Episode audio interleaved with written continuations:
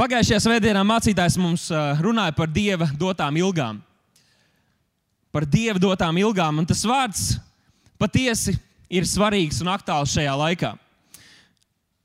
Ja mēs pavadām laiku Dieva klātbūtnē, ja mēs vērtējam tos brīžus, kad mēs varam būt tādā slavēšanā, pielūgsmē, arī kolektīvi, jo tie ir īpaši brīži, un nav jau tā, ka mēs visu laiku to varam darīt, tad tas ir kaut kas, kas arī maina mūsu, un tā ir iespēja Dievam kaut kā, kā ķirurgam strādāt pie mūsu sirdīm, bet arī tie personīgie brīži, pavadīt laiku viņa klātbūtnē. Un mācītājs mums teica, ka tā ir Dieva sirds.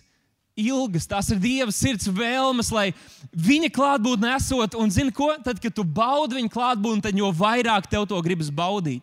Ja tu zini, ka Dievs ir labs, tad tev jau vairāk gribās būt viņa klātbūtnē, un tā ir patiesība. Tādēļ tieši viņa klātbūtnē viņš šīs ilgas var ielikt mūsu sirdīs, un mēs varam patiešām ilgoties atkal būt viņa klātbūtnē, savā darba vietā, savā ikdienā, kur mēs esam, jā, arī ceļā. Teikt, Dievs, es tik ļoti gribu būt ar tevi, kopā ar tevi katru brīdi. Otrās šīs ilgas, par kurām mācītājs runāja, es tās noformulēju mazliet saviem vārdiem, un tas ir tikt viņa lietotiem, ka mēs ilgojamies būt viņa lietoti. Jo mēs tikām radīti, lai mēs dzīvotu kaut kam pārdeviskam, lai mēs dzīvotu varenas, Dieva piepildītas dzīves, nevis tikai dzīvot priekš sevis savā spēkā, kad mēs tā dzīvojam, mēs jūtamies tukši un iztukšoti. Un Dievs saka, tad, kad tu būsi manā klātbūtnē, es gribu tavā sirdī ielikt ilgas un vēlmi būt Dieva lietotiem. Jā, mēs kādreiz nejūtamies kvalificēti, jā, mēs kādreiz jūtamies ne jau citi, kas ir vairāk piemēroti, ir citi, kas ir vairāk aicināti, bet Dievs saka, ja tu patiešām mani pazīsi, ja, pat tu, ja tu patiešām būsi manā klātbūtnē, es tavā sirdī ielikšu šīs ilgas un vēlmes, gribēt, vēlēties un sapņot par to, kā Dievs var lietot tevi. Un zini, ko varbūt Dievs ir lietojis tevi un lieto tevi, bet tu vari uzdrīkstēties sapņot vairāk kaut ko vairāk viņš var izdarīt caur tevi. Jā, vai nu tās ir finanses, varbūt tas ir tavs bizness, varbūt tā ir tava kalpošana. Bet tavā sirdī Dievs grib ielikt vēlmes, sapņot, uzrīkstēties, ka Dievs var darīt kaut ko vairāk. Un Dievs vienmēr dara kaut ko vairāk, jo Viņš vada mūs no kaut kādas vienas līmeņa uz nākamo līmeni. Un šis gads mums ir, lai iet nākamajā līmenī. Un tad trešais no šiem sapņiem vai ilgām, kādas Dievs grib ielikt mūsu sirdīs, ir darīt par mācekļiem, lai mums būtu mācekļi, ilgas pēc mācekļiem. Un ziniet, ko? Tā patiešām ir lielā pavēle. Ejiet un dariet par mācekļiem, un mēs bieži to tā uztveram, bet šeit Dievs saka, tā nav tikai pavēle. Tā ir, tas ir kaut kas, par ko deg viņa sirds. Tādēļ jau Jēzus atnāca šeit virs zemes un nomira pie krusta Golgātā, lai glābtu ne tikai mūs ar tevi, bet katru cilvēku šajā pasaulē. Viens upuris, kas vienreiz par visiem reizēm ir miris pie krusta, tagad ir sagādājis glābšanas ceļu visiem cilvēkiem. Un Dievs saka, jā, es jums to esmu pavēlējis, bet es negribu, lai jūs to darat kā pavēli, bet lai jūs to darat kā jūsu sirds ilgas un degsme par neglābtiem cilvēkiem. Jo tad, kad mēs esam viens ar viņu, tad viņa ilgas, viņa vēlmes kļūst arī par mūsējām. Man jājautā, cik daudz no jums jūs pazīstat kādu personu, kādu cilvēku, kurš ir piemērots kandidāts dieva glābšanas darbam, lai viņš piedzīvotu šo dievu mīlestību un šīs pārmaiņas, kādas tikai dievs var atnest cilvēku dzīvē. Cik daudz mēs pazīstam kādu tādu kandidātu, piemērotu? Paceļam roku, ir taču jūs pazīstat, vai visi jums apkārt ir kristieši, dedzīgi? Nē, mēs visi kādu pazīstam. Un tādēļ mēs visi esam sūtīti un mēs visi esam aicināti to darīt. Šis gads iesākās ar šo redzējumu par vienu mācekli. Un ziniet, ko? Tas patiesībā ir ļoti maz. Tie no mums, kas esam bijuši aktīvi, liecinieki un esam bijuši aktīvi, lai vestu cilvēkus pie Krista, ka tā padomājam, viens taču ir baigi maz. Gada laikā vienu mācekli Kristum. Un tomēr tas ir tas, uz ko Dievs mūs acīm redzot, tas ir tas, ko mēs esam kāds šodien tikai spējīgi. Bet mēs esam spējīgi. Pat ja tas ir tikai viens gada laikā, ja Dievs to mums uztic, Viņš saka, tad jūs esat to spējīgi izdarīt viens māceklis. Tātad ilgas darīt par mācekļiem. Un Dievs saka, varbūt šis gads var būt gads, kad vismaz vienu cilvēku mēs varam pievest pie Kristus un darīt par mācekli. Jo Jēzus mūs sūtīja pasaulē sludināt valstības evaņģēlīju. Arī apstults Pēters teica, ka mums jābūt gataviem katrā laikā aizstāvēt vai to, to cerības iemeslu, kāda tā ir mūsu sirdī. Tādēļ es šodien gribu runāt par tēmu aizsniegt cilvēkus Kristum. Un, ja jums ir kāds jūsu kladīts vai telefons, jūs varat pierakstīt kādu no šiem punktiem, jo es zinu, ka tie ir praktiski un, un palīdzēs mums katram arī aizvien specifiskāk izdzīvot šo mūsu dzīves aicinājumu daļu. Bet pirms mēs runājam par to, tieši kādi ir tie veidi, kā mēs varam aizsniegt cilvēku kristumu, es gribētu apskatīt dažus, kas ir tādi populārākie, kamdēļ mēs kavējamies dalīties ar savu ticību, kamdēļ mēs kavējamies vest cilvēkus pie Kristus. Un pirmais no tiem ir, ka mēs baidāmies. Es atceros pats arī savas agrīnās gaitas, kad tu esi varbūt iemācījies kādas evanģelizācijas rindiņas uh, vai kādu rakstu vietu, un tad tev ir tāda cerība sirdī, ja tas cilvēks prasīs kaut ko, lai tas ir saistībā ar to rakstu vietu, kuras esmu iemācījies no galvas, vai ja nu tā rindiņa nenostrādā, vai vēl trakāk, ja sanāk iet pie cilvēkiem, klauvēt pie durvīm, tad ir daudz daudzi, kas saka, lūdzu, pirms tu ej, lūdzu, pirms tu ej runāt ar cilvēkiem par Dievu, pirms tam runā ar Dievu par cilvēkiem. Bet bieži mēs ejam tādās situācijās, un mēs savā sirdī lūdzam, kaut nu neviens neatvērtu, kaut neviena tur nebūtu. Pilnībā saprotu šīs, šīs, bet mums nevajadzētu ļaut mūsu bailēm mūs kontrolēt. Tad otrais iemesls ir, mēs nejūtamies kvalificēti. Un mācītājs pagājušajā svētdienā ļoti specifiski runāja tieši arī par šo jautājumu. Un nav svarīgi tas, kā mēs jūtamies, bet mēs varētu tā justies. Mēs neesam pabeiguši kaut kādu Bībeles koledžu, mēs neesam varbūt mācītāji, mēs nezinām atbildes uz visiem jautājumiem, kā gan Dievs varētu mūs lietot.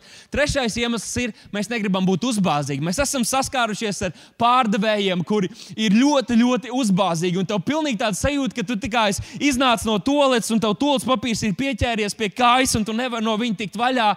Un mēs negribam būt tādi cilvēki. Mēs negribam radīt tādu priekšstatu par kristiešiem, mēs negribam radīt tādu priekšstatu arī par Dievu, jo Dievs mīl cilvēkus, un Viņš nav uzbāzīgs, Viņš laipni aicina savā klātbūtnē, un mēs negribam šķist uzbāzīgi, lai gan Pāvils teica par katru veidu, kā evanģēlīs ir sludināts. Es priecāšos vietā, nevietā, laikā, nelaikā. Ja tu sludini evanģēlī, tu dari kaut ko labu. Bet ceturtais ir, mēs esam pašapmierināti. Un ir labi būt apmierinātam ar savu dzīvi, un tomēr pašapmierināt šajā gadījumā nozīmē, ka mums ir viena alga. Un, diemžēl tā ir patiesība šajā turīgajā Eiropā, arī Skandinavijas valstīs, kur, lai gan mēs to sakām, jā, mēs esam tālu līdz Eiropas līmenim, tomēr pašapmierinātības ziņā mēs bieži esam tajā pat vien līmenī, turpat tuvu. Mēs varbūt nepeldamies tik lielos baseinos, mēs peldamies vannās un tam līdzīgi, bet mums ir siltais ūdens, mums ir laba dzīve. Paldies Dievam! It kā mēs domājam savā sirdī, un varbūt pat zemapziņā, nu, es eju uz debesīm, un mēs par to esam tik sajūsmināti, un mums vajag par to priecāties. Tomēr, vai mēs esam tik ļoti pašapmierināti ar sevi, ka mēs aizmirstam par tiem cilvēkiem, kas ir mums apkārt, kur, kur Kristu vēl nepazīst? Es kādā dievkalpojumā, kurš saucās hashtag problēmas, es arī runāju saistībā ar šo tēmu. Es teicu šo frāzi, ka teikt, ka tev rūp, bet nerīkoties, nozīmē, ka tev nerūp nemaz. Un es domāju, ka tā vēl aizvien ir patiesība. Ja mēs sakām, ka mums rūp, mums rūp cilvēki, mums rūp dieva darbs, mums rūp, lai cilvēki tiktu glābti, bet mēs neko nedarām lietas labā, tad mums patiesībā nekas šie cilvēki nerūp. Un es gribu atgādināt, ka mums nav jābūt augstākajai izglītībai, tev nav jābūt ekspertam visos kristīgajos jautājumos, un tev nav jāzina visas atbildes. Tev vienkārši ir jābūt sirdī, kas ir savienota ar Dieva sirdi un mīlestībā, jābūt gatavam runāt ar saviem līdzcilvēkiem, veidot attiecības, lai tos vestu pie Kristus. Nav nekas daudz, kas tev ir jādara. Un šodien es gribu parādīt trīs, ir vairāk droši vien, bet trīs veidus, kā katrs no mums varam vēst cilvēkus pie Kristus. Es gribu, lai tu iebaksti, kā mācītājs saka, iebaksti tam, kas tev sēž blakus un pasaki, ir trīs vienkārši veidi, un tu šodien vari paņemt vienu no tiem. Mēs to varam mazliet dzīvelīgāk, pasakot to ar prieku. Ir, ir trīs labi veidi, kā tu vari aizsniegt cilvēkus kristumu, un šodien tu dzirdēsi par tiem. Un tātad pirmais no tiem ir, tu vari lietot to, kas tev ir ir. Tu vari lietot to, kas tev ir, un patiesībā tas ir veids, kā evanģēlijas sākotnēji izplatījās. Pasaulē. Tas ir veids, kā evanģēlijas izplatījās, patiesībā tas bija viens cilvēks, viens puisis, no kura neviens kaut ko tam līdzīgu nesagaidīja. Viņa vārds bija Levijs. Cik daudz esat dzirdējuši par Leviju? Viņam bija arī sagvārds Matejs kā viņu arī sauca par Mateju. Un šis Levijs bija tāda interesanta cilvēka grupa, viņš pārstāvēja, viņš bija nodokļu iekasētājs. Un neskapēc tajos laikos cilvēkiem nevisai patika šie, šīs personas. Mūsdienās tā nav, paldies Dievam. Bet ir kādas citas grupas, kur, kur, kur, kur cilvēki nevisai, kā saka, vēlas ar viņiem uh, kontaktēties. Un viņš pārstāvēja tādu cilvēku grupu, bet tad viņš savā dzīvē nonāca tādā vietā, kad viņš satika Jēzu. Un Jēzus personīgi pieskārās viņa dzīvei, un viņa dzīve tika izmainīta. Un viņš nevarēja šo dievu mīlestību paturēt tikai pie sevis. Viņš vienkārši to nevarēja. Ko viņš darīja? Es varētu teikt, sākumā pateikt, ko viņš neizdarīja. Viņš neiemācījās raksturvietas no galvas, viņš, viņš uh, negāja tur visādas sprediķus sludināt, viņš nedarīja tam līdzīgas lietas. Viņš darīja vienīgo, ko viņš prata tā patiešām darīt. Un tas ir, viņš sarīkoja grandiozu balīti. Viņš sarīkoja grandiozu balīti, viņš paņēma grillu, tur iededzināja grillu, uzmeta gaļu virsū, uzlēdza uz LED ekrāna, lielā televizora ekrāna, uzlēdza, uzlēdza maira brieža cīņu. Viņš uzaicināja kādu foršu kristīgu grupu un izsūtīja ielūgumus visiem saviem draugiem, paziņām, lai viņi nāktu un pavadītu laiku kopā ar viņiem. Un tajā visā viņi arī varētu iepazīties ar viņu glābēju. Pēc jūsu sejas izteiksmēm, kas ir nedaudz izbrīnīts, es saprotu, ka jūs dzirdējāt, kas nedaudz modernizē šo stāstu, bet mēs varam apskatīties, kā kā Bībelē tiek aprakstīts šis notikums. Un tas ir Lūkas evanģēlijā. Mēs lasām, 5. nodaļā ir rakstīts, tad Levijs rīkoja viņam, tas ir Jēzum, lielu mīlestību savā namā. Un liels pulks muitnieku un citu ļaužu bija pie viena galda kopā ar viņiem. Un es gribu, lai šeit mēs ievērojam, ka nevis viņi bija pie muitnieku un grēcinieku galda, bet viņi nāca viņa namā Un tad mēs lasām tālāk, bet, protams, ka farizējiem un raksturmācītājiem bija problēmas. Viņi eh, prasa, sāka kurnēt pret viņa mācekļiem. Kādēļ jūs ēdat un dzerat kopā ar šiem muitniekiem un grēciniekiem? Bet, ziniet, ko? Ja pasaulē ir, ir kādas jautājumi, ja pasaulē ir problēmas, ja arī kādiem reliģiskiem cilvēkiem ir problēmas, Jēzum vienmēr ir atbilde, kas viņiem aizbāž muti. Un to mēs varam izlasīt kopā no 31. panta. Un tur ir rakstīts, Jēzus tiem atbildēja, un lasiet kopā ar mani: Veseliem ārsta nevajag, bet gan slimajiem. Nevis taisnos es esmu nācis aicināt atgriezties no grēkiem, bet grēcinieks. Ko Levijs izdarīja? Viņš neizdarīja neko pārdabisku, neko sarežģītu. Viņš vienkārši darīja to, ko viņš prata darīt. Viņš sarīkoja šo ballīti, viņš aicināja cilvēkus un deva viņiem iespēju iepazīties ar glābēju. Un tā tad Tādā pat veidā arī tu vari aizsniegt cilvēkus, kurus tu mīli. Tu vari sākt ar to, kas tev ir. Tu vari sākt ar to, kas tev padodas. Varbūt, ka tev patīk spēlēt pludmales volejbolu. Tu vari uzaicināt kādus savus draugus vai savā rajonā iziet, iepazīties ar kādiem cilvēkiem un teikt, nāciet, uzspēlēsim kopā. Un tad kopā ar viņiem pavadot laiku, iepazīt viņus, ļaut viņiem iepazīt sevi un caur to dalīties ar evaņģēlīju. Varbūt, ka tev patīk gatavot, un varbūt pat, ka tev padodas gatavot. Tu vari uzaicināt kādus savus kolēģus vai klases biedrus, kursa biedrus uz bezmaksas vakariņām. Un es jums varu garantēt vienu, šo varat pierakstīt. Ja jūs uzaicināsiet viņus uz kaut ko tādu, pūlis ieradīsies. Pūlis ieradīsies, un tad viņiem ēdot tevis gatavotās gardās vakariņas, tu viņiem varēsi stāstīt par dzīvības maizi, kur tu esi baudījis un kas ir izmainījis tavu dzīvi.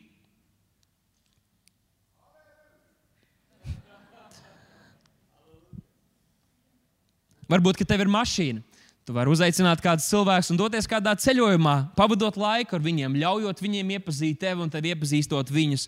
Un, un, un, un arī dalīties ar viņiem, ar, ar Kristu, ar savu ticību. Tu vari lietot to, kas tev ir. Un domājot par šo stāstu, par šo piemēru, es atceros, kas notika šī paša gada sākumā. Un, tur ir stāsts par šīm Tur ir stāsts par šīm divām brīnišķīgām meitenēm, kas arī ir no mūsu draudzes. Tā Rebeka un Līga, un viņas izdomāja kādu dienu, ka viņas arī grib lietot to, kas viņām ir, lai aizsniegtu cilvēkus Kristum. Un kāda bija tā ideja? Viņām ir šis uzņēmums, un viņi taisa tais visādas stila lietiņas. Un viena no tām ir plānotājs. Tas ir gada plānotājs. Ļoti, ļoti forši iesaku tiem, kuriem vēl nav plānotāji. Un, tas, ko viņas izdarīja, bija, viņas izsludināja šādu akciju, ka visi tie cilvēki, kuri atnāks pirmo reizi, kur pirmo reizi būs draudzē, kuri nekad nav bijuši draudzē, pirmo reizi atnāks uz janvāra atmodas vakaru, tie visi bez maksas saņems viņu radīto, viņu izdoto, ar savām finansēm apmaksātos šos plānotājus. Tā rezultātā desmitiem jaunieši pirmo reizi bija draudzē. Pirmo reizi dzirdēja vēsti par Jēzu, dzirdēja vēsti par Dievu, varēja iepazīties ar kristiešiem. Un ziniet, ko tas nesa un nesīs augļus. Un es jums varu pateikt tikai vienu no tiem. Šajā pagājušajā svētdienā mūsu kristību basēnā kristījās viena meitene, kura pirmo reizi atnāca uz draugu tieši pateicoties šai drosmīgajai rīcībai. Draugi, mēs varam sākt ar to, kas mums ir, lai vestu cilvēkus pie Kristus. Mēs varētu pateikties Dievam, man liekas, ka tas ir brīnišķīgi. Tas ir brīnišķīgi. Kas tev ir? Ko tu vari lietot, lai vestu cilvēkus pie Kristus? Varbūt, ka tev nav savs uzņēmums, varbūt, ka tev nav visādas foršas lietiņas, kur, ar, kuras tu vari apsolīt cilvēkiem, vienkārši uzdāvināt. Varbūt, ka tev ir tikai un vienīgi brīvais laiks. Un man arī tāds bija. Es, man bija pagājušajā gadā iespēja doties uz Islandi. Un ceļš no Rīgas uz Islandi, protams, ar lidmašīnu ir diezgan pagarš. Tās ir četras stundas, četras garas, garlaicīgas stundas. Un es tur sēdēju starp eh, diviem eh, vīriešiem. Un eh, nedaudz iespiesu, un es domāju, bāc, šādi es pavadīju šīs stundas. Ir grūti pagulēt, man nav nekas līdz ko lasīt, ko es varētu darīt. Bet tad es pamanīju, ka man blakus sēdošais vīrs arī ir diezgan nogarlaikojies. Un es domāju, nu ko, mēģināšu uzsākt sarunu, vismaz mēs varam parunāt. Bija diezgan daudz laika, viņam arī nebija kur dēties. Un es uzsāku sarunu, un viņš izteicās arī, ka labprāt parunātu.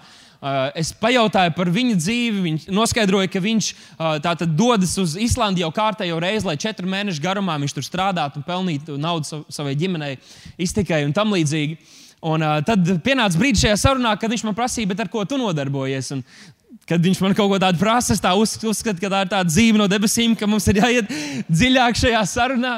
Bet šo visu stāstu mazliet saīsinot, uh, nedaudz vēlāk man bija tā privilēģija vadīt šo šo brīnišķīgo vīru grēku nožēlas lūgšanā, un, un viņš ieteicināja Jēzu savā sirdī.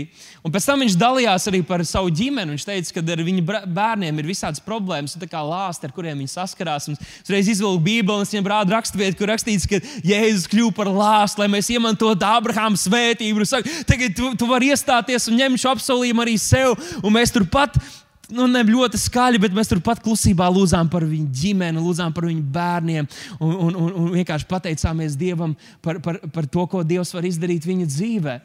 Un, un... Paldies Dievam! Bet man nekā daudz nebija. Man pat līdzi nebija Bībeles, man bija jāņem augšā no, no plauktiņa. Tas bija tikai vienīgi laiks, laiks un atvērts acis un atvērts sirds, pamanīt tos līdzcilvēkus, kas ir mums apkārt, pamanīt tos līdzcilvēkus, kuriem arī ir, kur arī ir kaut kādās grūtās situācijās, kur ir nepieciešams, ka kāds vienkārši lieto to, kas viņiem ir, un kādreiz pietiek tikai un vienīgi ar laiku. Tātad pirmkārt, tu vari lietot to, kas tev ir. Pareizi, paskatiet kopā ar mani, tu vari lietot to, kas tev ir. Otrakārt, Tu vari kādu uzaicināt uz draugu. Es zinu, ka šis jūs pārsteigs, bet kādreiz cilvēkiem tas var būt viss, kas viņiem ir vajadzīgs, ka kāds viņus uzaicina uz draugu. Arī mūsu sabiedrībā ir tik daudz cilvēku, kuriem patiesībā, lai kā viņi izteiktos par draugu, par kristiešiem, kas bieži ir tāds stereotipisks priekšstats, vienkārši nav neviens, kurš viņiem dot iespēju atnākt šeit un pārliecināties savām acīm kas un kāda tad draudzība ir, kādi kristieši ir. Un Jānis savā vēstulē, evanģēlijā, viņš rakstīja par kādu sievieti, kur bija piedzīvojusi daudz sāpes. Viņa bija piedzīvojusi daudz pāri darījumu, un viņa satikās ar Jēzu pie akas. Un lasot šo stāstu, es domāju, vai tad mūsu vidū arī nav cilvēki, kur ir piedzīvojuši daudz sāpes, kur ir izmantoti, kur ir vīlušies Vai tādi cilvēki nav mums visapkārt? Un šī sieviete arī bija ļoti smagi cietusi, bet viņas sastapšanās ar Jēzu izdarīja kaut ko viņas sirdī. Viņa gribēja viņam dot uh, tikai ūdeni, dzeramo, un Jēzus viņai atklāja, ka viņš viņai var dot ūdeni, kad viņai nekad neslāps. Un ieaicināja viņu šajās attiecībās, kas pilnībā izmainīja viņas dzīvi. Un viņa vairs nevarēja palikt tāda, kāda viņa bija iepriekš. Tāpēc ko viņa darīja? Viņa neiemācījās raksturvietas no galvas, viņa negāja nesludināja sprediķus, viņa pat nevadīja nevienu lūgšanā, kā es to darīju. Viņi izdarīja kaut ko pavisam vienkāršu. To mēs varam ap, arī lasīt Bībelē, šo, šo stāstu. Tas ir Jāņa evanģēlijā. Mēs lasām, tad sieviete atstāja savu ūdens trauku. Nogāja pilsētā un sacīja ļaudīm: nāciet un skatiet cilvēku, kas man ir sacījis, ko es esmu darījusi. Vai tas tikai nav Kristus? Viņa vienkārši uzaicināja cilvēkus, lai tie nāktu uz to vietu, kur viņa piedzīvoja Kristu, lai nāktu un satiktos ar viņu, jo viņas dzīve bija izmainīta. Un domājot par šo sievieti, par šo stāstu, es atcerējos stāstu, kādu mēs arī pavisam nesen dzirdējām šeit, jubilāra lokā. Un tas ir stāsts par kādu jaunekli, kurš jau ir jauns vīrs, tas ir Aleksandrs. Jūs viņu pazīstat, viņš tepat sēž zālē. Un viņš bija jauns uzņēmējs, entuziasts, kurš ar skepsi izturējās pret kristiešiem, ar skepsi izturējās pret ticību dievam tam līdzīgām lietām. Bet viņš man pats teica vēlāk, ka bija arī tāda interese kas gan tajā sektā notiek. Un viņa dzīvē, iepriekš caur darba attiecībām, bet tagad jau kā ģimenes draudzene, bija Līga, kas arī no mūsu vidus. Un Līga viņam kādu dienu aizsūtīja uh, ierakstu no mūsu dievkalpojuma. Un, uh, kā pats Aleksandrs teica, kad skatoties to dievkalpojumu, ka kaut kas, viņā, kaut kas viņu tur ieinteresēja, kaut kas likās interesanti un forši. Un tam man liekas, ka mums vajadzētu aplaudēt visiem tiem, kas mums ir mūsu video kalpošanā, kas, kas palīdz tam, kas notiek šeit, aizsniegt vēl daudzus cilvēkus. Un bieži mēs pat nenojaušam, cik liela ietekme ir tam, kas notiek šeit, šajā zālē, jo tas, ko mēs šeit redzam, tie cilvēki, kas ir šeit, tas nav viss. Mēs aizsniedzam daudz vairāk caur mājaslapu, caur visādiem citādiem veidiem. Paldies jums par kalpošanu. Es redzu arī šodien Elizabeti filmē. Prieks par tevi! Super! Tu vari rādīt piemēru. Tiešām ik viens var kalpot katrā vietā, kas sajūt tādu aicinājumu. Paldies jums! Bet tas nebija viss, tas nebija tikai dievkalpojums. Viņi arī uzaicināja viņu uz draugu. Un viņš atnāca. Viņš teica, ka pirmais, kas viņu pārsteidza, bija tas šis, uh, cilvēku daudzums. Un, protams, tu ienāc šeit, un liekas, wow, vai te ir kaut kāds uh, prāta vēders koncerts? Ah, nē, te ir vienkārši slavēšana.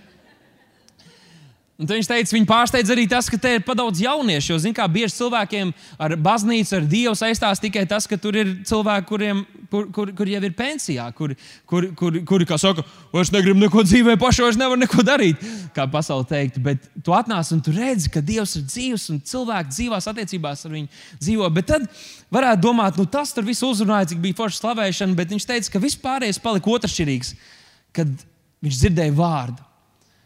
Un varbūt, tu toreiz sēdēji zālē un domāji, es jau šito esmu dzirdējis, bet te bija kāds zēns, kāds vīrs šajā zālē, kurš teica, ka tas vārds, ko viņš dzirdēja, bija tieši tas, kas viņam tajā brīdī bija vajadzīgs. Tas bija tas, ko viņš sagaidīja, un tas aizskāra viņa sirdi. Dieva vārds ir dzīves un spēcīgs un asāks par katru abās pusēs griezīgu zobenu, un viņš iespiežas dziļi iekšā. Viņš iespiežas dziļi iekšā. Un, protams, tas nebija viss, kas bija vajadzīgs. Pēc tam Līga turpināja arī uh, palīdzēt viņam nostāties uz savām kājām, un, un viņš, viņš aug un, un, un, un, un kal, līdz viņš pats sāk kalpot, bet tas ir brīnišķīgi. Kādreiz mums šķiet, ka mums ir jāmāk un, un jādara tik sarežģītas lietas, bet tas ir pavisam iespējams, ka viens uzaicinājums uz draugu ir iespējams, ka viss, kas ir vajadzīgs kādam cilvēkam, lai viņš spērtu pirmo soli attiecībās ar Dievu. Un ziniet, ko tad, kad Dievs glābj kādu no mums, viņš neglābj tikai mūsu, viņš glābj arī mūsu ģimeni. Un es gribu padalīties, ka ar prieku es varu teikt, ka pagājušajā svētdienā. Šeit pat mūsu kristīgā basēnā arī kristījās Aleksandrs sieva Līviņa, kura tādā veidā apliecināja to darbu, ko Dievs ir veicis viņas sirdī, viņas dzīvē. Man liekas, ka mums vajadzētu dot Dievam aplausus par to. Dievs glābj, un Dievs ziedina, Dievs izmaina dzīves. Paldies, Tev, Dievs, ka Tu lieto mūsu, mūsu vienkāršos centienus. Un Tu arī to tāpat vari darīt. Skatoties apkārt savā ikdienā, tur redzēs cilvēkus, varbūt tavā kursā, kur meklē mierinājumu, kuriem nav miera viņu sirdī, un daudziem cilvēkiem tas trūkst. Tur redzēs savā treniņā, treniņā kādu, ir, kas ir zaudējis cerību. Turbūt savā darba vietā redzēs kādu, kam trūkst virziena, kam trūkst dzīves jēgas, trūkst spēka. Un atcerieties, ka iespējams tas ir viens uzaicinājums, kas ir vajadzīgs, lai izmainītu cilvēku dzīvi. Un kādreiz ar to, ka tu vienkārši nosūti Facebookā spama vēstuli, nepietiek. Tu vari personīgi uzaicināt kādu. Tu vari pateikt, vai es atbraukšu tev pakaļ, aizbrauksim kopā, pēc tam aizbrauksim uz lidiņu, kārtīgi paēdīsim. Bet pirms tam mums ir jāpabaro mūsu gars. Un zini ko? Viena no tādām iespējām ir augšām celšanās svētki, kas jau pavisam tuvu ir, ir klāta. Es zinu, ka mēs visi esam tik garīgi, ka mēs visi esam ar tik dievu piepildīti, ka mums nevajag neko no tā visa. Mēs gribētu sanākt un vienkārši gavēt, un lūgt, un lūgt, un lūgt, un lūgt. Un lūgt. Mums nevajag tos priekšsums, mums nevajag tās brīnišķīgās dziesmas, nevajag tās brīnišķīgās uzrunas. Mēs gribam tikai lūgt, mēs gribam lūgt un iet evanģelizēt. Bet šis notikums ir arī priekš mums, jo tas ir kaut kas, ko mēs svinām. Jau 21 gadsimtu kristieši ir svinējuši to, ka Jēzus ir augšām cēlies. Mēs svinām! Bet nepietiek ar to, ka mēs paši svinām. Ir cilvēki mums apkārt, kuriem ir jādzird šī vēsts. Jēzus ir augšām cēlies. Viņš izmainīja manu dzīvi, viņš var izmainīt arī tavējo. Tāpēc tu vari vienkārši atnākt uz šo foršo pasākumu. Un iespējams, ka tu satiksies ar kādu, kurš tev pasludinās vēsti, kas izmainīs tavu dzīvi. Tas var būt vienkārši ielūgums, ko tu kādam iedod. Hei, es iešu uz šo pasākumu. Tu varbūt lieldienās arī kaut ko dari. Atnāc un dzird vēsti, kas var izmainīt tavu dzīvi. Ko? Šitādi mums ir daudz, un apkārt ir vēl vairāk cilvēku, kuriem ir nepieciešama satikšanās ar Jēzu, un mēs paši par to liecinājām pašā sākumā. Bet Bībelē saka, ka tu esi zemes sāls, tu esi pasaules gaisma, un Dievs var lietot tevi, lai aizsniegtu cilvēku kristumu. Ja tu lietos to, kas tev ir, un tu uzaicinās kādas draudzes.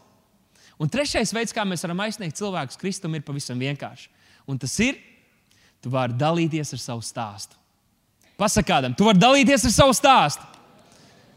Draudz, man patīk jūsu entuziasms, jūs aizdedzināt mani. Jo tavs stāsts ir spēcīgs, tava liecība, tavs stāsts ir tas, kas var aizsniegt, atvērt cilvēku sirds evaņģēlijam, un tev vajag ar to dalīties. Vai atcerieties to stāstu, kad Jēzus dziedināja kādu neredzīgo, un viņš varēja redzēt? Un iedomājieties, kā tas cilvēks jutās. Ja pirms tam tu neko neesi redzējis, pēkšņi tu vari redzēt visu. Tu varbūt pat neredzēji īsti, kā izskatījās šis cilvēks, Dievs, kas dziedināja tevi, bet tu redzi visu. Iepriekš neko neredzējis, tu tagad redzi visu.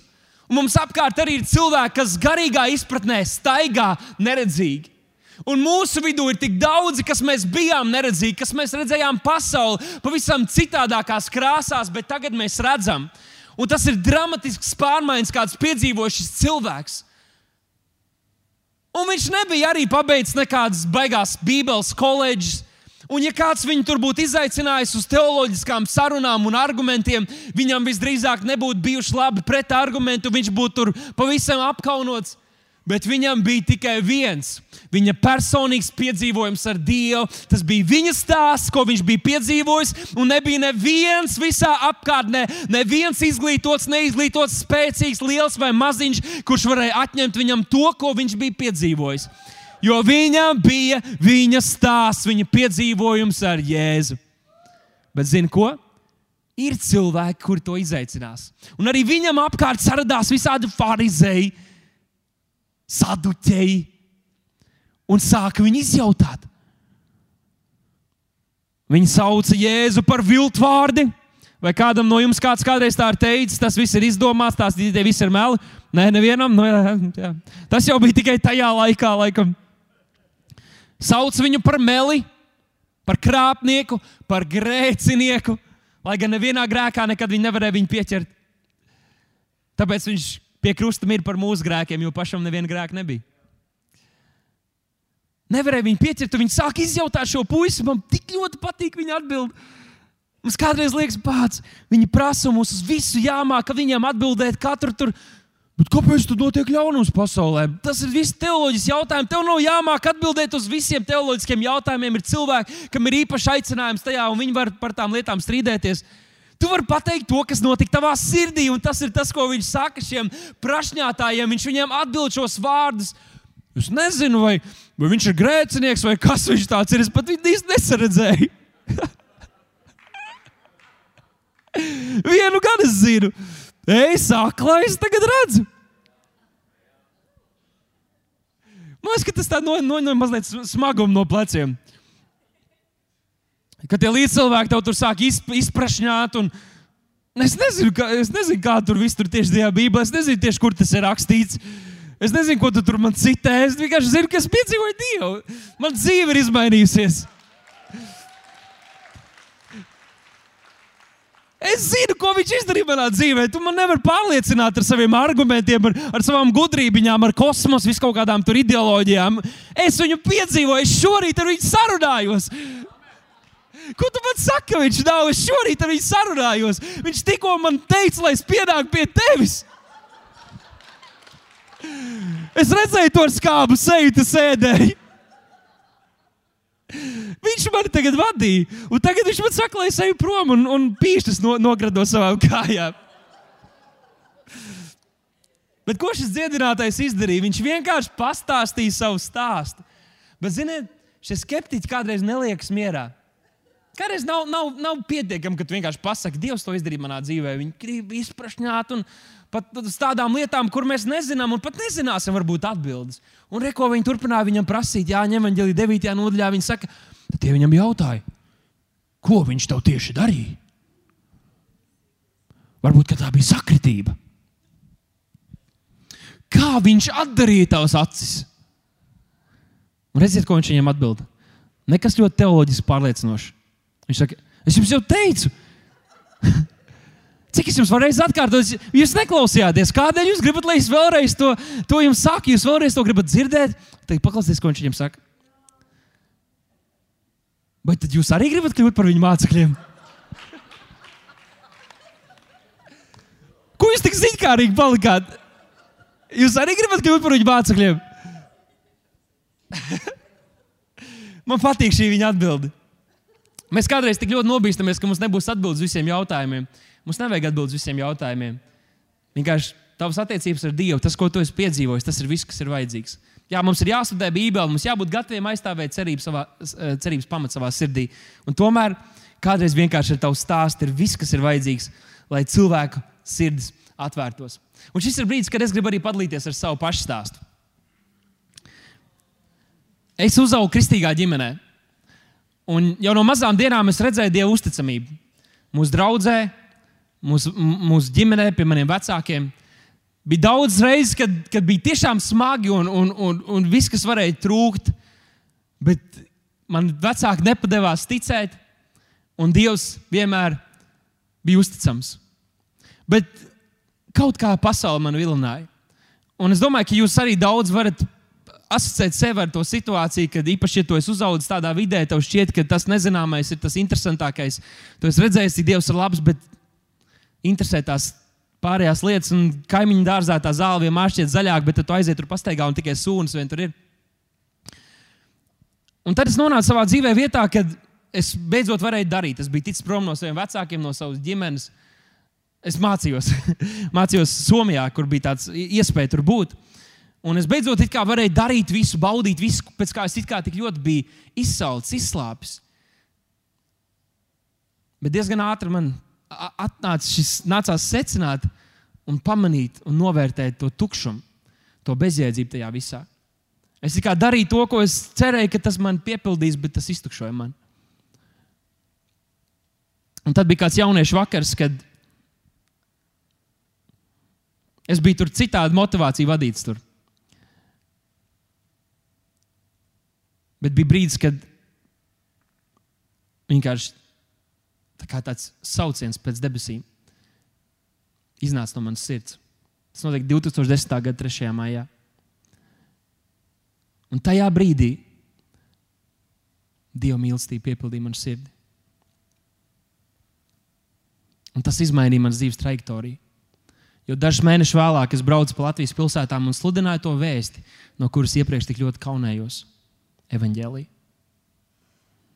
Kopš tās dienas nav bijis neviens brīdis, kad es no rīta pieceļos un domāju, kāda jēga cīnīties, kāda jēga turpināt, kāda jēga darīt kaut ko, kāda jēga, jo es dzīvoju attiecībās ar Dievu. Viņš izmainīja manu dzīvi. Viņš ir manā pusē. Un tas pats Jēzus, kas izmainīja manu dzīvi, tik spilgtā sastapšanās ar viņu, viņš var izmainīt arī tavējo. Tavs stāsts ir spēcīgs. Varbūt, kad tu domā, ka tas nebija nekāds narkotiku dīlers, mēs esam pieraduši dzirdēt tādus stāstus, un tad, jo vairāk tu esi notetovējies, jo vairāk tev ir piercing visās malās, jo spēcīgāka ir tava liecība. Bet tas nav tas. Jēzus bija svētais, viņam nebija neviena piercing, neviena tetovējuma, bet viņa liecība bija tik spēcīga, un tā aizskāra cilvēku sirdis. Viņš nereiz nebija grēkojis. Tavs stāsts ir spēcīgs, un tas var aizsniegt cilvēku sirdis. Tātad Dievs var lietot tevi, lai tu aizsniegtu cilvēkus Kristum un lai viņi piedzīvotu Dievu glābjošo darbu. Ko tu vari darīt?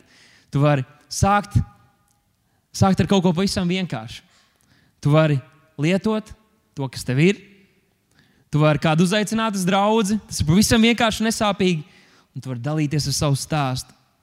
Un, ja mēs kā draugi mēs vēlamies būt auglīgi draugi, un šajā gadā Dievs mums met šo izaicinājumu, katram vismaz vienu cilvēku pievest pie Kristus un padarīt par mācekli, tad mums ir jābūt aktīviem. Pats no sevis tas nenotiks. Pats no sevis, kā saka, tikai nezāles aug un putekļi rodas.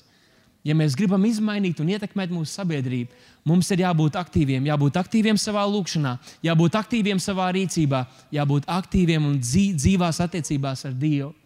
Un šajā rītā es gribētu arī mums katram dot tādu iespēju spērt mazu solīti tajā virzienā, lai mēs katrs tiešām gada beigās varētu teikt, es vismaz esmu to centies, esmu lūdzis, vai arī es rekurēju šie cilvēki, kuri ir atnākuši pie Kristus, un es varu svinēt kopā ar viņiem viņa glābšanu. Un kā mēs to varam izdarīt? Šis ir viens no tādiem rīkiem, ko es varu šodien piedāvāt.